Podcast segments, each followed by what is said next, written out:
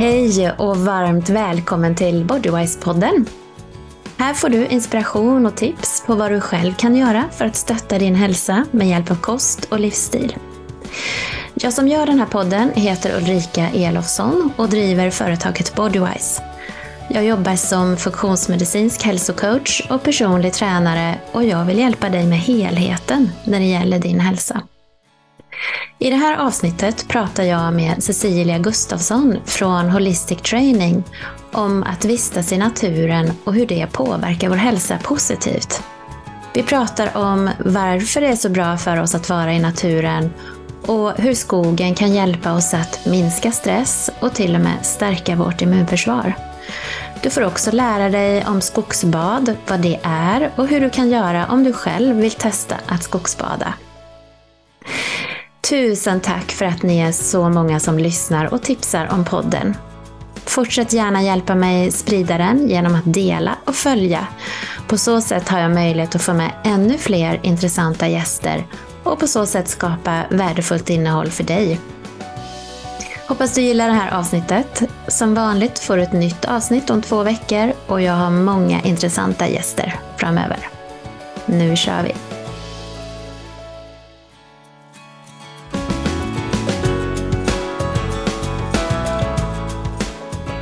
Hej och varmt välkommen till Bodywise-podden Cecilia.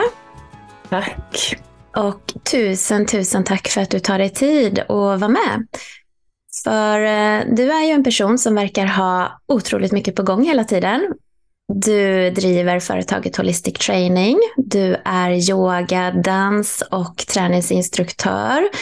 Du utvecklar egna rörelsekoncept med instruktörsutbildningar, bland annat Soma tillsammans med Linus Johansson som eh, faktiskt var gäst här i podden för ett tag sedan. Mm.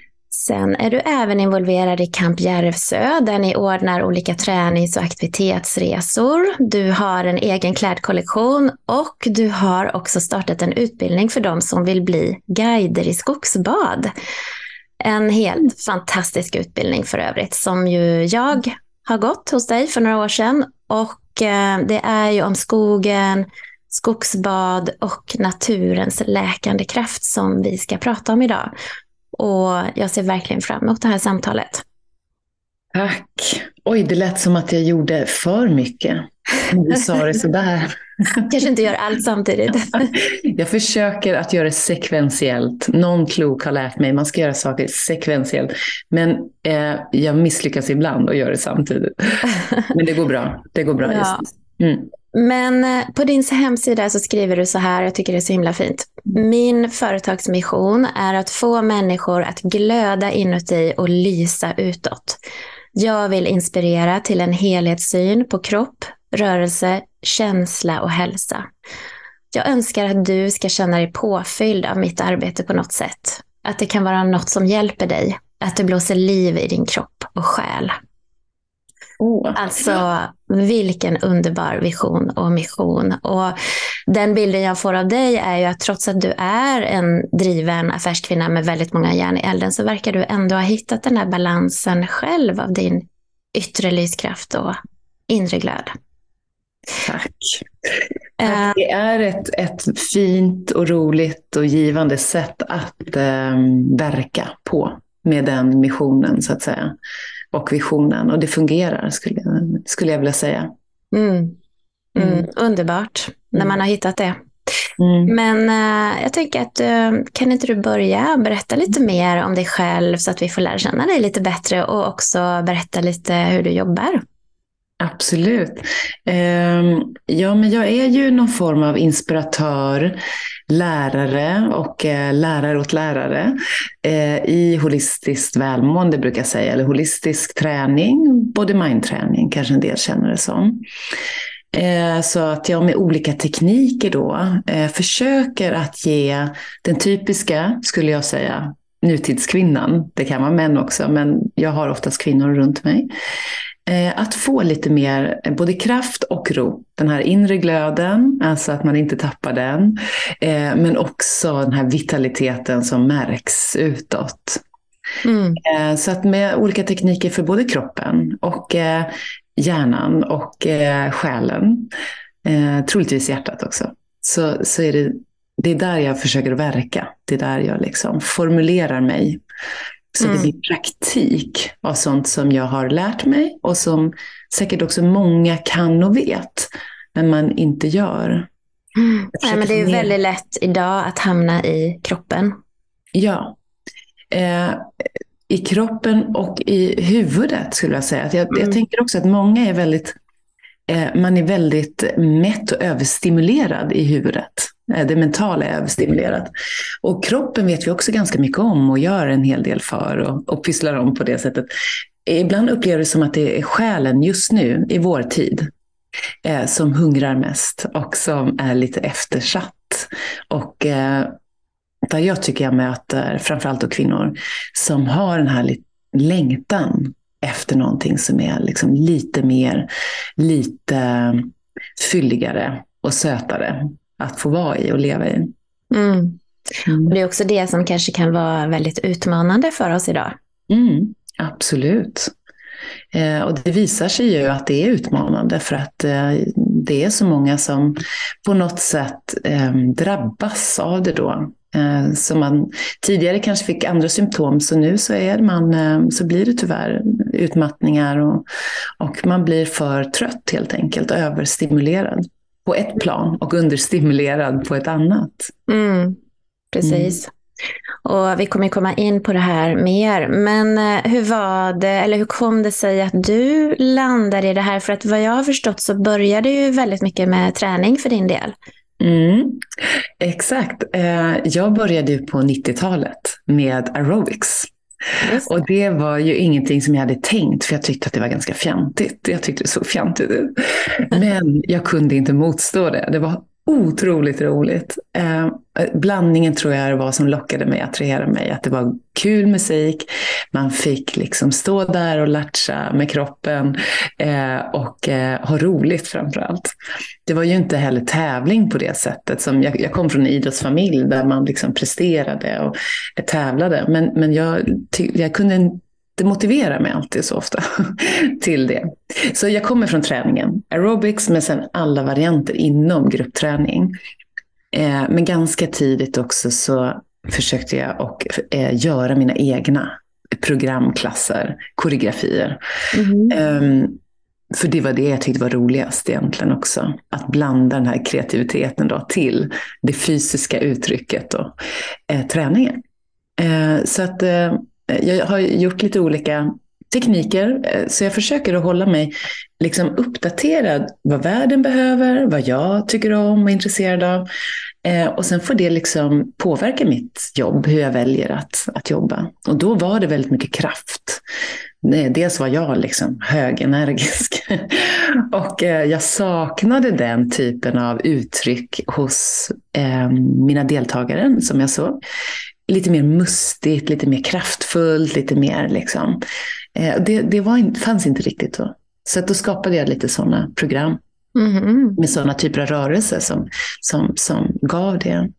Och på den vägen är det lite grann. Och jag hittade ett sätt att, att verka på i fråga om att jag kunde koreografera och låta min know-how, alltså mitt, mitt kunnande runt omkring saker, eh, spridas till andra instruktörer och lära dem eh, och göra samma sak ungefär. Så det kunde sprida sig mycket snabbare och längre så att säga till fler människor. Och jag tyckte väldigt mycket om det sättet att jobba på. Så det höll jag på med i, ja, men i 10-20 år. Mm. Eh. Men redan då var det ju att inspirera andra. Ja, det var det utan att jag tänkte så mycket på att det var min drivkraft. För det var det faktiskt inte. Det låter fint att tänka att drivkraften är att man vill eh, ja, men, glädja andra och ge andra hälsa. Jag tyckte det var intressant. Alltså jag trivdes väldigt mycket i det. Där hade jag mitt flow, om man så säger. Mm. Eh, och och den här missionen, en inre glöd och yttre lyskraft, den har den skapades tidigt och har funnits med, sann och ärlig, hela tiden. Därför att det är ett begrepp som för mig motiverar mig igen att jobba. Eh, jag känner mig mer hemma i det uttrycket än att tänka klassisk hälsa. Eh, eller så. Ehm, och eftersom det också tar på alla nivåer. Tillstånd är ju en summa av det fysiska, det mentala, det känslomässiga. Och det är där jag trivs att vara i, att påverka tillstånd hos mm. människor. Och mm. då kunde jag se med de här olika teknikerna man kan göra både med kroppen, med andningen, eh, som är kropp i och för sig, eh, med eh, mentala bilder, med energi på olika sätt. Eh, det gav folk den här, liksom, både inre djupare glöden men också den här vitaliteten och energin utåt, lyskraften. Mm. mm. Härligt. Ja, det var härligt. Och, eh, men så det, jag började där, men kom sen över till yoga. Så att jag, sen hade jag en period när jag riktade in mig ganska mycket på yoga. Först den fysiska varianten, ashtanga-yoga och olika typer av vinyasa, yoga. Um, och sen så blev det mer yin-yoga. Uh, sista tio åren har jag mest intresserat mig för yin-yoga och framförallt att lära ut det. För att jag tycker den är så enkel att lära ut och ger så mycket till den som söker eh, den eh, vad ska jag säga, återhämtande delen av yoga. Mm. Så att då tycker jag det är som mest effektivt att vara i det. Mm. Och sen, eh. Så jag fortsätter, jag fortsätter med det fysiska, absolut. Jag tycker om blandningen. Både kraftfullt och mjukt. Stilla. det är ju det ni kombinerar i Soma också. Ja. Och ni har ju flera koncept inom Soma. Alltså det handlar ju både om kroppen och mind, pratar ni ju om också. Absolut. Så Soma Move är i grunden kan man säga. Och det här gjorde Linus och jag då för 12 år sedan. Ungefär började vi med den. Och eh, då sammanföll alla bitar som både jag och han då tycker om och värdesätter. Av just den här kraften och mjukheten, av koordination, av gras om man vill, eh, av rytm och, och avspänd kraft. Då. Och vi har också de här sär, eh, särskilda programmen för, som du sa, Soma Mind, som är mer som en meditation, mindfulness, yin-yoga eh, praktik. Och sen har vi också slow som en variant på. Att man kan göra en cirkulerande, värmande eh, praktik, men man behöver inte belasta sig så mycket med handleder. Och, så att man är stående och man gör det lite långsammare. Mm. Det blir väldigt meditativt också. Och allt det här kan man ju hitta på Movedo, eller hur? Den här plattformen. Ja, Movedo eh, är ju en plattform för eh, vår, vi säger slutkonsument. Alltså den som vill köpa sådana och träna hemma. Eh, och sen har vi ju utbildningar i det som man hittar på somamove.com. Och man kan också bli länkad från min hemsida Holistic Training så man kan bli pekad till de här olika platserna då, där man kan mm. läsa. Mm. Okej, okay, spännande. Så mycket rörelse genom olika, mm, på olika sätt kan man säga, i hela ditt liv då? Ja, det är en av mina värderingsord också, rörelse. Just det, ja. Men idag ska vi ju prata lite mer om, eh, eller vi ska prata om skogen och naturen och skogsbad. Ehm, kan inte du berätta lite hur du kom i kontakt med det här? Alltså, dels skogsbad men också varför det blev det här spåret med naturen för dig. Absolut. Det är också eh, lite sådär att jag är, försöker verka där jag står och vad jag har liksom mitt framför näsan. Och det som, det är lite rolig berättelse egentligen varför jag började. Därför att jag bor i Järvsö som är en liten by i Hälsingland, 4000 invånare ungefär och flyttade upp för 20 år sedan. Men jag är uppvuxen vid havet och i städer har jag också bott. Eh, så skogen för mig har varit lite läskig och skrämmande. Mm. Så min, min relation till skogen när jag kom upp hit var just att den var Eh, jag var rädd för alltså, gå vilse, jag var rädd för björnar och för vargar. Så jag vågade ju liksom nästan på ett pinsamt sätt inte gå längre än en liten snutt bara i, i vår närmsta skog. Men det kan jag förstå. Jag bor ju lite mer söderut och här har vi Mm. ju älgar. Men vi har ju, Mm. inga, eller vi har ju varg faktiskt nu också. Ja. Även om det inte är så vanligt. Men eh, jag kan förstå den där rädslan för vilda djur faktiskt. Det är ju deras hem. Tack, precis. Och det här är eh, varför, man, varför jag kom in på skogsvård. Jag ska koppla tillbaka det till dig. Att det är många faktiskt som är lite rädda för skogen och vara själv där. Men, men så att jag började, när jag själv skulle återhämta mig eh, från kanske en kurshelg eller mycket liksom, digitalt arbete eller så, så märkte jag att jag intuitivt drogs till skogen, den här skogsplätten då som jag gick faktiskt sen i dagligen. Alltså i flera, flera år. Så gick jag dagligen, minst en gång. Alltså på morgonen oftast, men kanske också en gång till. Bara för att jag ville dosera det här som jag fick när jag befann mig där. Mhm. Och jag blev så eh, attraherad av det. För att även om jag var en yogalärare, meditationslärare, gjorde de teknikerna för återhämtning, så kom det som av sig självt när jag gick ut eh, på det här sättet som jag gjorde. Att jag märkte att det rent fysiskt blev mjukare över som pannan och ögonen. Det kändes som att axlarna bara sjönk ner och andningen också, utan att jag behövde så att säga eh, sätta in en teknik eller någonting. Mm. Och jag märkte också att eh, jag hittade den här känslan av poesi, om jag så säger, som jag saknade i min tillvaro. Som, när den blir lite hektisk, en tillvaro som den är för många, så är det sånt som liksom försvinner.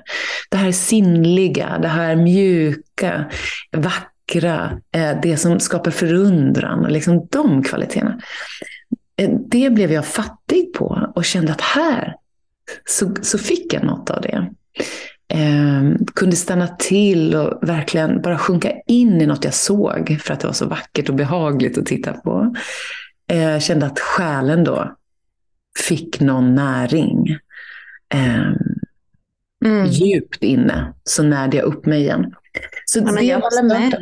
Det Ja. är, eh, alltså skogen, det är något magiskt med det. Det är liksom, eh, bara man kan ta sig den här tiden att stanna upp och reflektera och kanske inte bara rusa igenom på en eh, löprunda. Eller I och för sig, man kan ju uppleva det ändå. Men ja, det, är- det är något speciellt med skogen och naturen överhuvudtaget.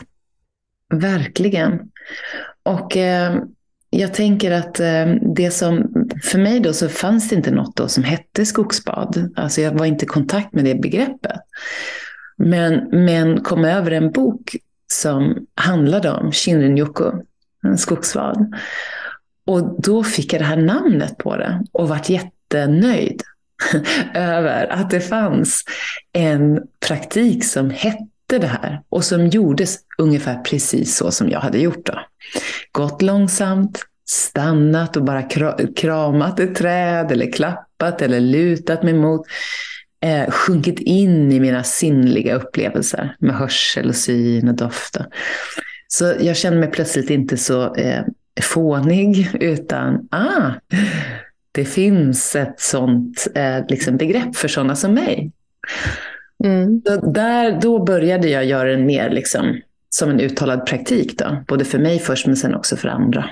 Mm. Så det här som du beskriver nu, Mm. att krama ett träd och liksom prata om det sinnliga och det kanske kan låta lite flummigt för Mm. många. Mm. Eh, men sen pratar du också om Shinrin-yoku då. Eh, Mm. och det finns ju faktiskt, eh, det kommer ju från Japan som du sa och det finns ju, man har ju gjort studier på det här. Kan inte du berätta lite om det här, ehm, hur man använder sig av det i Japan och vilka effekterna är och så? Absolut. Och det som är, det är Japan var ju som man kan säga första landet där det här liksom uppstod. Och det var på 80-talet så uppstod eh, eh, själva starten till det när man såg en nedgång i export av skogen. Det här är intressant hur det bara kan bli något. Och då eh, han som, eh, ja vad ska man säga, Skogsstyrelsen, motsvarande Skogsstyrelsen, brainstormade i stort sett vad kan vi göra med vår skog?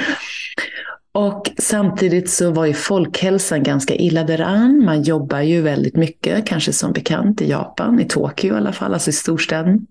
Och folktätheten väldigt liksom stor. Så man kom på att kan vi förflytta våra stadsmänniskor ut till den här miljön i skogen och skapa leder som där de kan bli rekreerade, alltså få rekreation. Och så gjorde man eh, så småningom lite mer uttalade, ordentliga, fina studier på det. Så man tog tester på de som kom eh, och man gjorde det innan och man gjorde det efter. Och det var bland annat salivtester, man kunde ju ta blodtryck. Saliv, alltså, då menar du kortisol? Ja, förlåt, precis kortisol. Hormonet kortisol. Ja, och eh, även eh, adrenalin i urinprover kunde man ta. Och kunde se då också huruvida blodtrycket sänktes när man hade varit ute. Eh, och pulsen. Eh, så förutom de omedelbara, ganska enkla testerna så börjar man också forska på, verkligen, Eh, vad händer med immunförsvaret? Eh, vad händer med hjärnan? Så att man med hjälp av hjärnskanningsmetoder kunde också se aktiviteter i olika delar av hjärnan. Eh, dämpning då och aktivitet i olika delar. Eh, man gjorde också eh, ihop med uppskattningsformulär, alltså där deltagaren själv fick göra en subjektiv bedömning då, i olika eh, tillstånd av nivåer av oro, grubbleri och annat så. Och man kom fram till ju att det blev fantastiska eh, resultat. Och då framförallt på stressrelaterade symptom. Det, det är hjärt och kärlhälsan alltså förbättrades. Mm. Eh, parasympaticus, alltså den lugn och ro-gren av nervsystemet, blev stimulerat medan sympaticus, det här stressdrivna systemet, minskade. Man kunde se att kognitionen blev bättre, alltså man kunde tänka klarare, mer kreativt. Eh, liksom det, det, det lättade upp allt brus och liksom stök och uttröttade frontallober eh, blev liksom, fick ny energi och laddades upp. Mm. Man märkte att eh, eh, blodsockret sjönk, kortisolet, alltså stresshormonerna. Eh, så det var ju så fina resultat eh, svart på vitt så, som, som gavs. Och det här har vi kanske känt på oss i Sverige. Att skogen läker. Man brukar säga gå ut i skogen och där hittar jag liksom mitt lugn. Men att få det lite mer bekräftat eh, spelar ju roll faktiskt. Och framförallt som man där då i Japan började också skriva ut det på recept. Skogsbad att man kunde få det som, som en rekommendation om man inte mådde så bra. Mm. Eh, så att det började där i, i Japan, Shinrin-yoku, att bada sina sinnen i skogens atmosfär, betyder det. Ja, och, och man har väl sådana här certifierade områden i Japan där man kan ta hjälp av en skogsbadsguide och då får man ju just fylla i sådana här formulär som du skrev, eller pratade om innan då. Eh, ja innan man går in i skogen och så får man göra samma sak när man kommer tillbaka. Och de är ofta lite längre de här turerna, eller hur? Mm. Eh, precis, eh, de eh, sträcker sig åtminstone till tre timmar. Men sen kan det vara dygn, alltså, eh, hans, en som är som förespråkare för just Shinrin-yoku ihop med immunförsvar. Dr. King Lee heter han. Han har skrivit den här boken som är översatt till svenska också, Bli friskare och lyckligare med naturterapi. Eh, han menar ju på att ett dygn per månad eh, bör göras. Eller om det var två dygn. Jag minns inte. Men det är lite mycket. Mm. Mm. Men det var med tanke på Eh, den aktivitet som de här cellerna, NK-cellerna, natural killer cells, de som eh, är del i immunförsvaret för just eh, att bekämpa virus men också cancertumörer.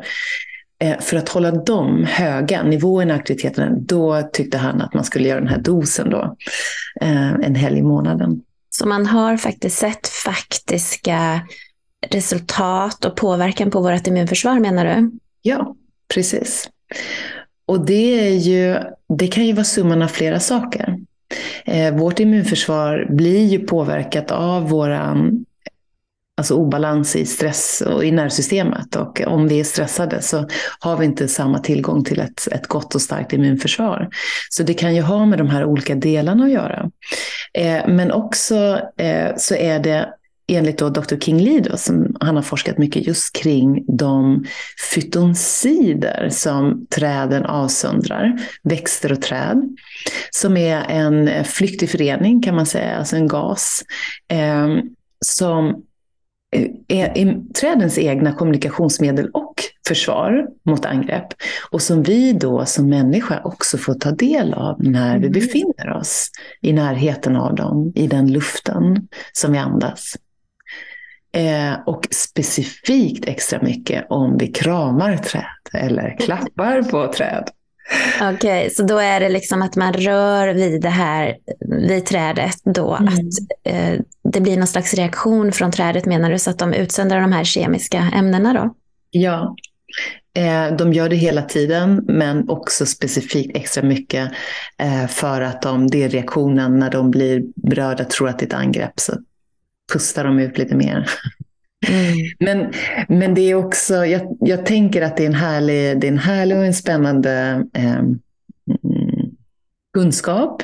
Och, eh, men, men jag tror inte man ska hänga upp sig bara på det. Jag tror man ska ta alla de här delarna i ett praktiserat skogsbad som faktiskt stärker vår hälsa väldigt mycket på flera nivåer.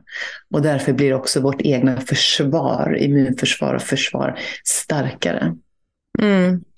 Okej, okay, så berätta lite. Du sa att jag tycker inte man ska hänga upp sig på de här delarna, utan hur tänker du liksom med skogsbad och hur jobbar du med det?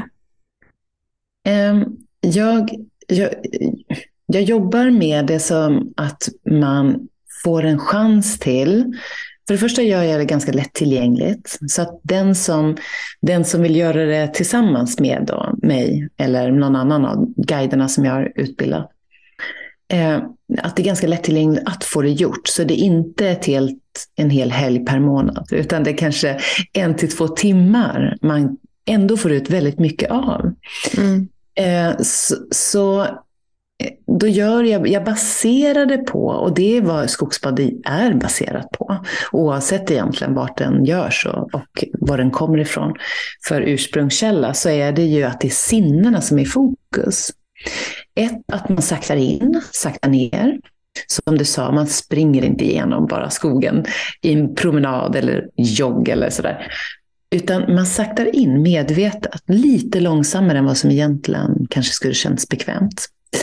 Eh, man stannar till gärna då och då. Eller kanske till och med befinner sig på en plats hela tiden. I en hängmatta eller sittande med ryggen mot ett träd. Eh, man öppnar sina sinnen. Och redan här när man börjar gå från hjärnan eh, och låta den få allt medvetande och kommer ner till sinnena ett i taget och sen alla i en öppet varseblivande. Så att du verkligen ser vad du ser eh, och försöker att, att, ta in nyanser, och skiftningar och linjer och detaljer och färgtoner. Och, tar in allt det här gröna som i sig är väldigt välgörande för våra ögon faktiskt och vår hjärna. Eh, och du kan vila i det här synsinnet jättelänge egentligen. Och utan att begära liksom något särskilt. Det är ingen specifik uppmärksamhet. Det är en mjuk, eh, öppen uppmärksamhet. Närvaro snarare. Och sen kan du göra samma sak med hörseln. Att du verkligen hör, att du blundar kanske.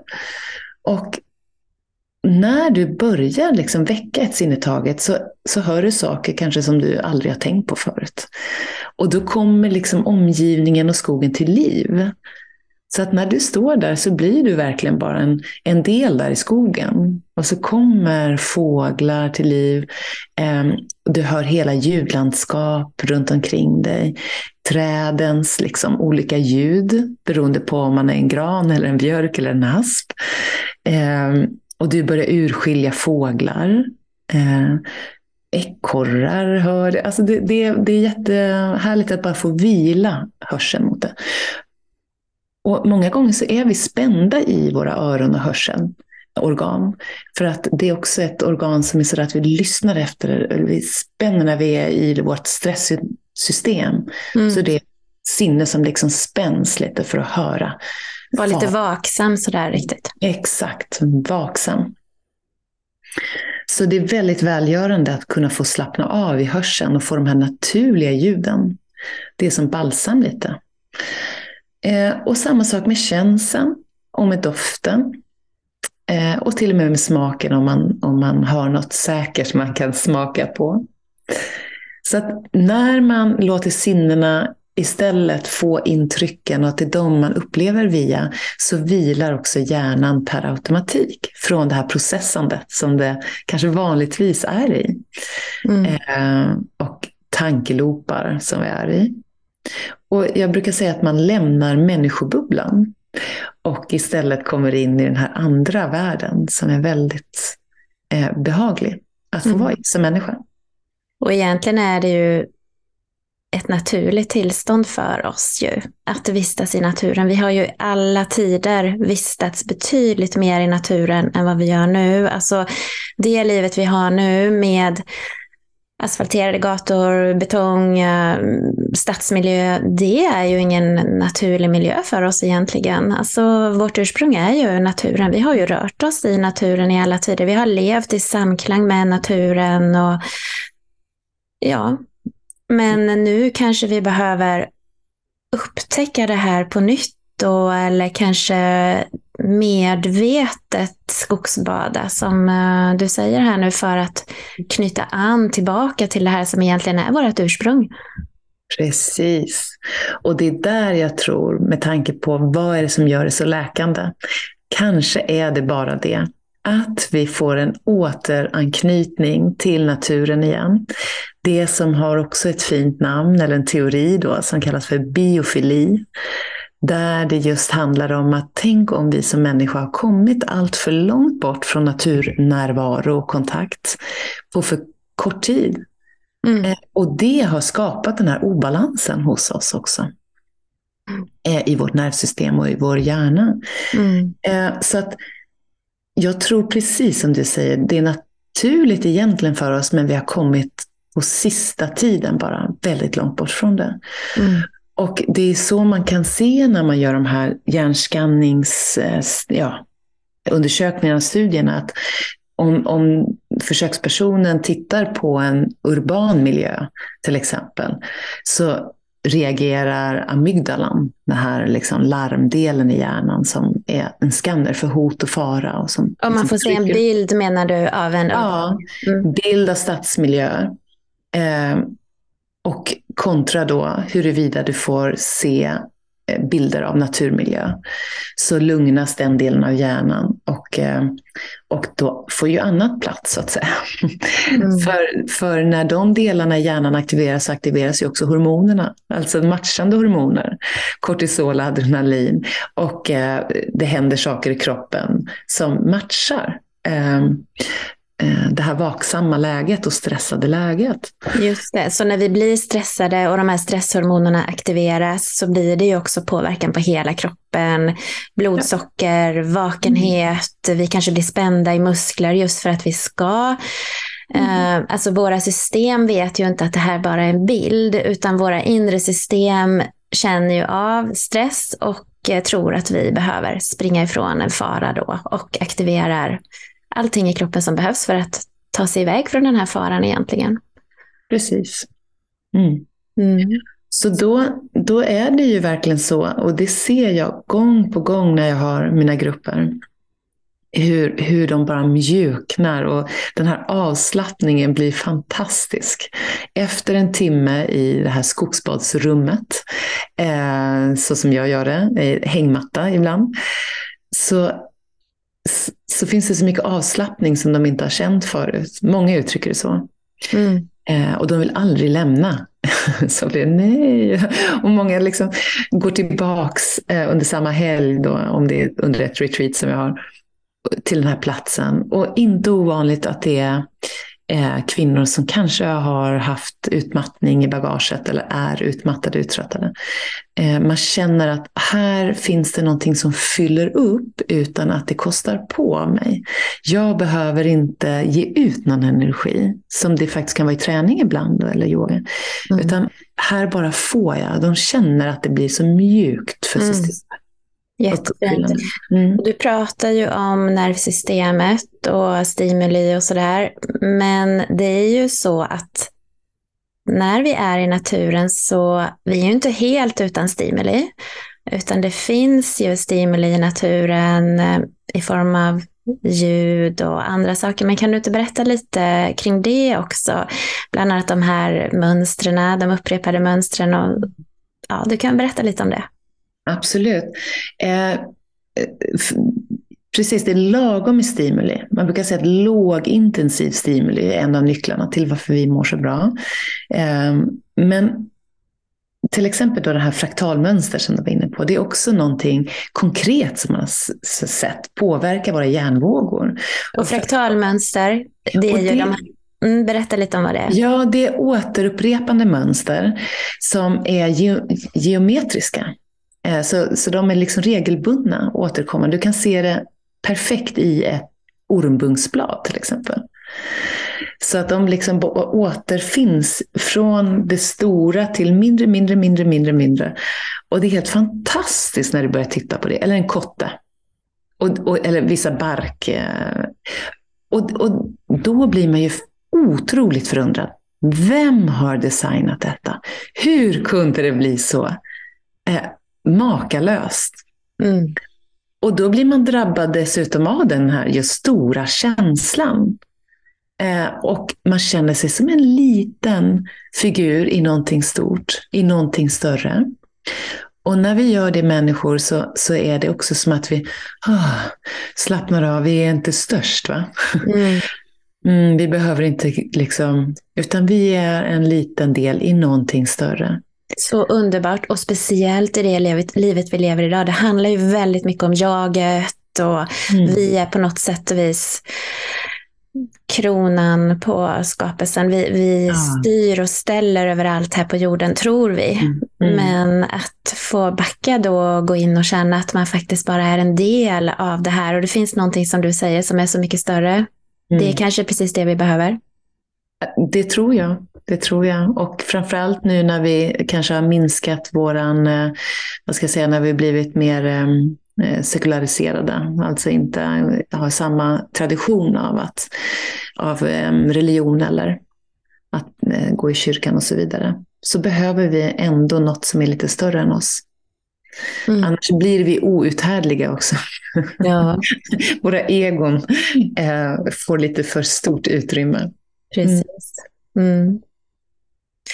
Så mycket stimuli i skogen men ändå lagom stimuli då. Framförallt, eh, eller de här fraktalmönstren då. Vad, vad är det mer som...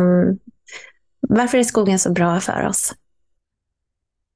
Ja, men jag tror att man, det, det är de här delarna, dels att det finns de konkreta sakerna som gör oss, som är, är läkande för oss. Alltså vi pratar om luften i skogen, vi pratar om ljuden, naturliga ljud.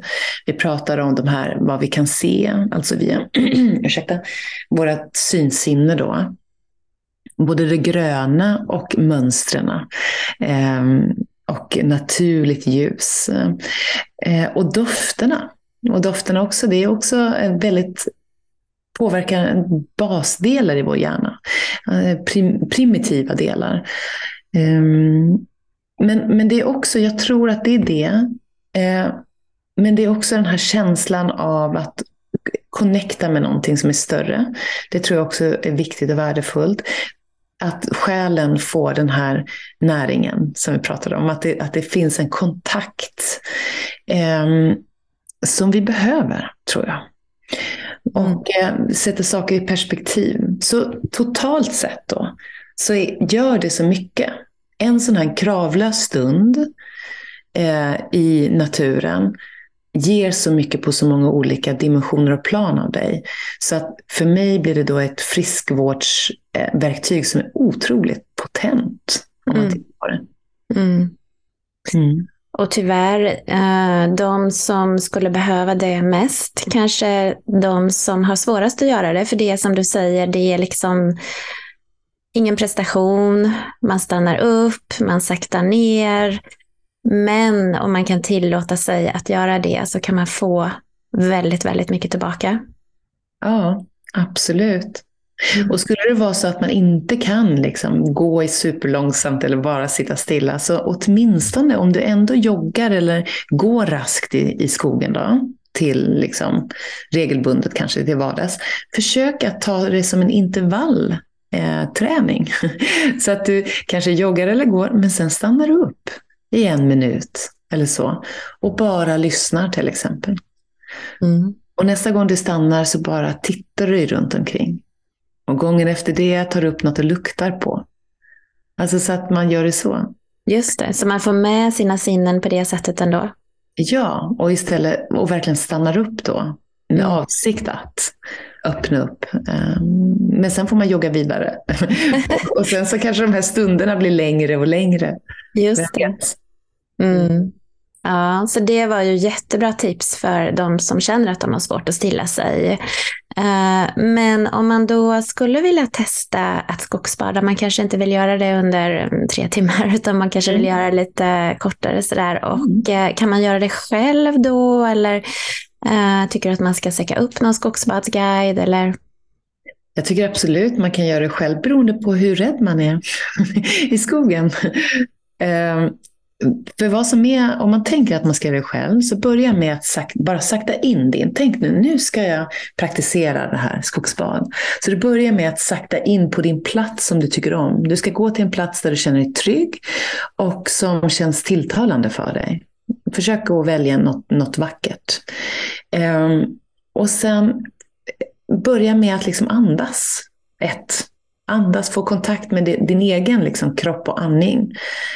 Och bara fylla lungorna, verkligen släppa ut all luft. Så att du börjar redan då att eh, öppna upp för närvaro utåt och, och, och ta in.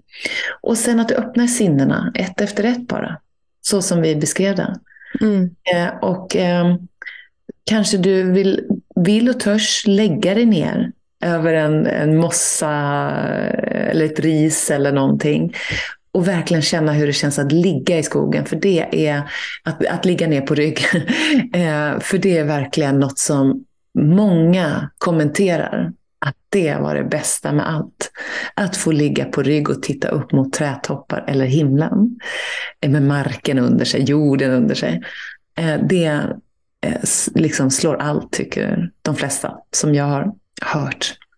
Mm. Så det tycker jag man ska göra. Och och sen helt enkelt låta det få vara så. Um, och göra det igen och tycka om. Och tillåta sig att fascineras. Hellre vara som en barnunge som liksom tittar nära och tycker att det är wow, än att vara blasé. Det är i alla fall min filosofi överlag. Så. Mm. Försök att snarare känna dig som att det är magi där ute. Mm. Och mm. kanske att man behöver ge det lite tid. Jag kommer ihåg när jag började med yogan. Då kom jag också från mycket träning, man ville bli flåsig, svettig och så vidare. Och yogan är ju något annat. Och det var rätt utmanande för mig tycker jag i början att komma in i det. Men sen när man kommer in i det, då vill man ju inte vara utan det. Precis. Och så kanske det kan vara också när man går ut i skogen och stillar sig, att det kanske kan upplevas lite utmanande i början. Men att våga ge det tid för att det ger så mycket som du säger. Mm. Jättebra. Precis så. Mm.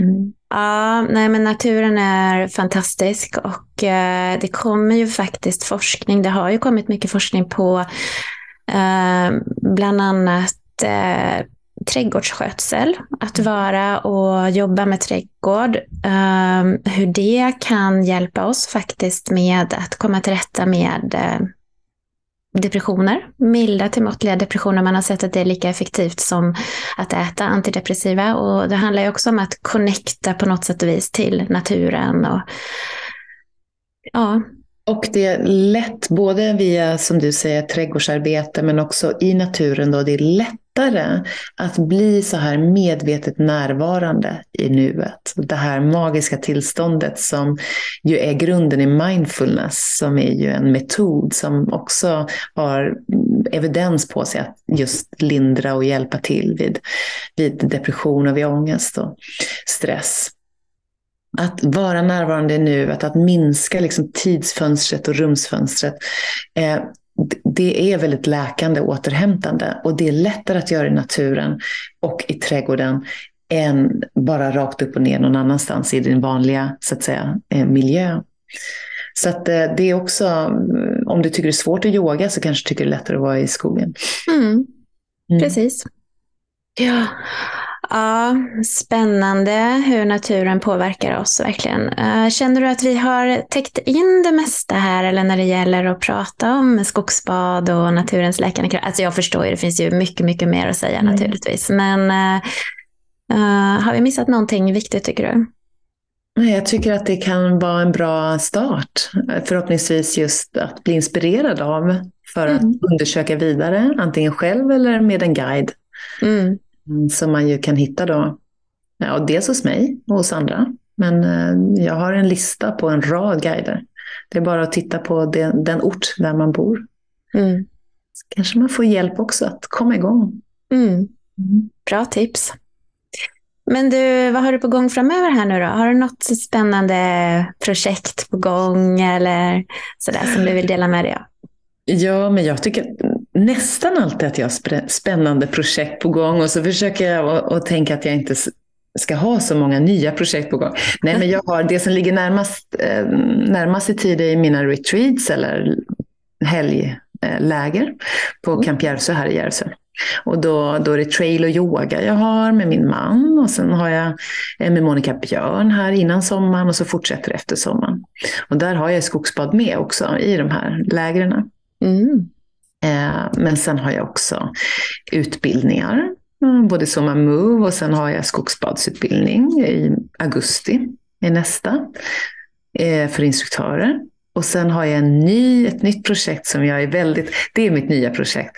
Jag, och som jag håller på med just nu faktiskt, mitt pilotavsnitt eh, kan man säga på kurs Ikigai Business. Aha. Och ikigai är också ett japanskt begrepp som jag, jag tycks ha en fallenhet för. Eller en, en, en, dragning till det japanska. Men där du utgår från en hälsosam kan man säga, inställning till livet och till arbetet. Och eh, Ikigai är typ meningen med livet, översätts det som. Och där man har sett att de med högt ikigai lever väldigt länge. Men där du utgår från vad jag älskar, vad jag känner kärlek till, vad jag tycks vara bra på, eh, vad världen behöver och vad jag kan få betalt för. Och så försöker du att göra något av alla de delarna ska ingå i det. Oj, spännande. Ja, väldigt spännande och väldigt... Jag tycker om att... Jag upplevde att det fanns en lucka och lite glapp på den här lite mjukare, mer holistiska eh, greppet på företagande. Mm att eh, tonen ibland är lite för, vad ska jag säga, jag kan tycka att den är lite för maskulin. Eh, eh, att i, i företagande, att det är för mycket bara fokus på mera, större, bättre. Eh, hela tiden expansion och vinsten som huvud, liksom, drivkraft. Mm. Och jag möter väldigt många som inte har det och inte känner igen sig. Mm. Så hur gör man för att må bra samtidigt som man är liten småföretagare och bara vill vara där på ett härligt och bra sätt? Både för mm. de som tar emot det och för sig själv och sin omgivning. Spännande.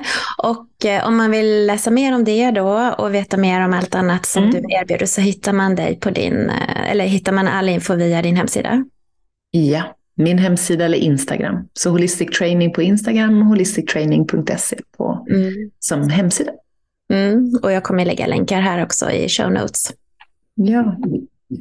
Okej, men eh, tusen, tusen tack Cecilia för det här samtalet. Tack för att du tog dig tid och tusen tack för den inspiration du sprider så att vi kan hitta vår inre glöd och yttre lyskraft.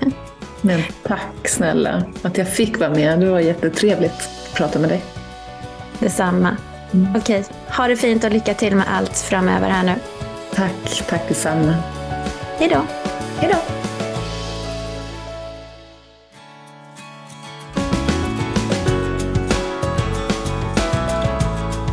Du har lyssnat på Bodywise-podden med mig Ulrika Elofsson. Dagens gäst var Cecilia Gustafsson från Holistic Training. I det här avsnittet pratade vi om naturens och skogens läkande kraft. Är du sugen på att testa skogsbad? Till exempel med företaget eller tjejgänget och bor i Boråsområdet? Så är du varmt välkommen att kontakta mig. Tusen tack för att du har lyssnat. Hoppas du uppskattade avsnittet. Vill du höra fler intervjuer som denna, kom ihåg att prenumerera på Bodywise-podden i Spotify eller Podcaster eller via min hemsida bodywise.se. Där kan du också läsa mer om mig och mina tjänster. Ha en fin dag, så hörs vi snart igen.